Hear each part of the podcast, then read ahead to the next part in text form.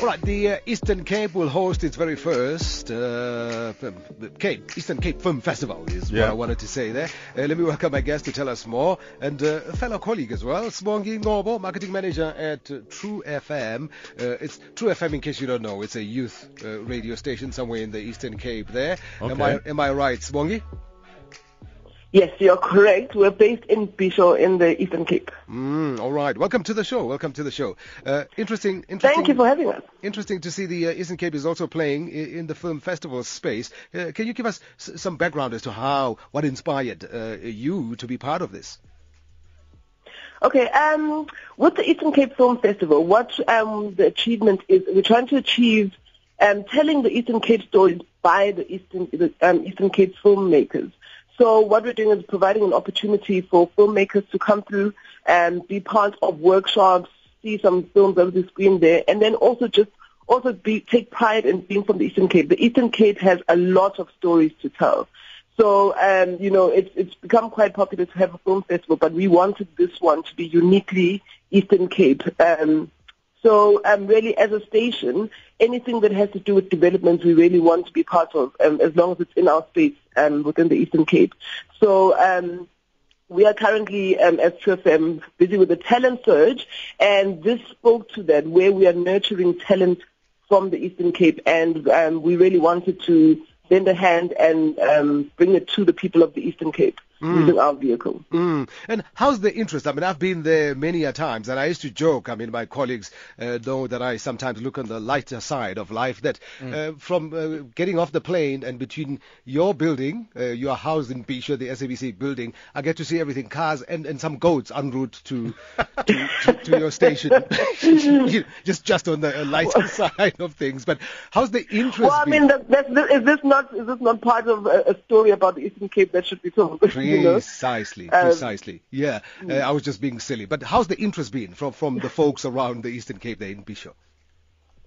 No, look, there's a lot of talent in the Eastern Cape, and really what we're trying to do is to keep the talent here and just say, look, there are opportunities within the Eastern Cape. You don't necessarily have to leave the province to pursue, um, you know, a, a career in film. So we want to provide that opportunity for people, and really, I think um, everyone has been really excited. Everyone has been registering to come to the workshops, and um, you know, with assistance by with, um, from our sister radio stations as well, we've been able to get the message to more people within the, the Eastern Cape space. Mm. And, uh, please take us through the program. What what does it entail?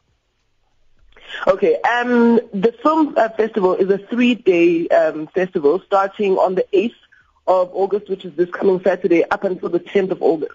So each day we'll have um, various speakers um, who will take us through, you know, um, story and script development. We'll also go through script writing, producing, directing um, on each day, editing, um, and we'll have various experts. Um, each day as well, we'll, we will have screenings of various short films, just so we can, you know, show people exactly what is that the workshop was about. Um, and then we'll also have a panel where aspiring filmmakers can then, you know, have a conversation with people who are currently in the business and get some insights as well as just some advice on how to go forward with it. And another big thing that will happen is that at the film festival, um, we will be launching a script writing challenge.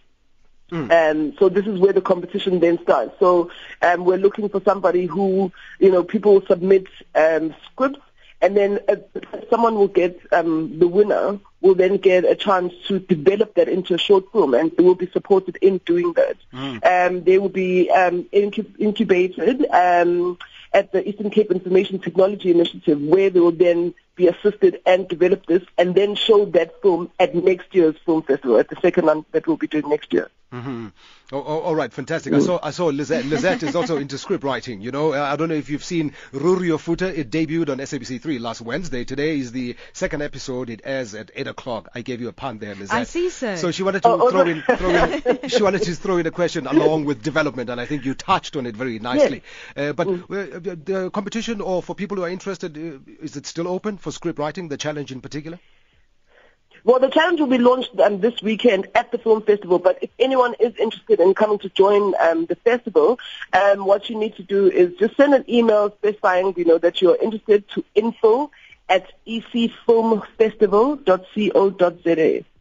All right, fantastic, Sibongi. All the best. Say hi to the folks there. I know it's. I wanted to say it's quiet in Bisho, but I'm sure with the festival coming around, it's going to be uh, fanfare. There's a lot of excitement. There's a lot of excitement right now. All right, But thank you so much for accommodating us on your show, and we appreciate it. Only a pleasure. Sibongi Ngobo, marketing manager at Tru FM, uh, youth station out in Bisho in the Eastern Cape. Catch uh, all of the details, I'm sure. Uh, go on their website as well on how you can be a part of it.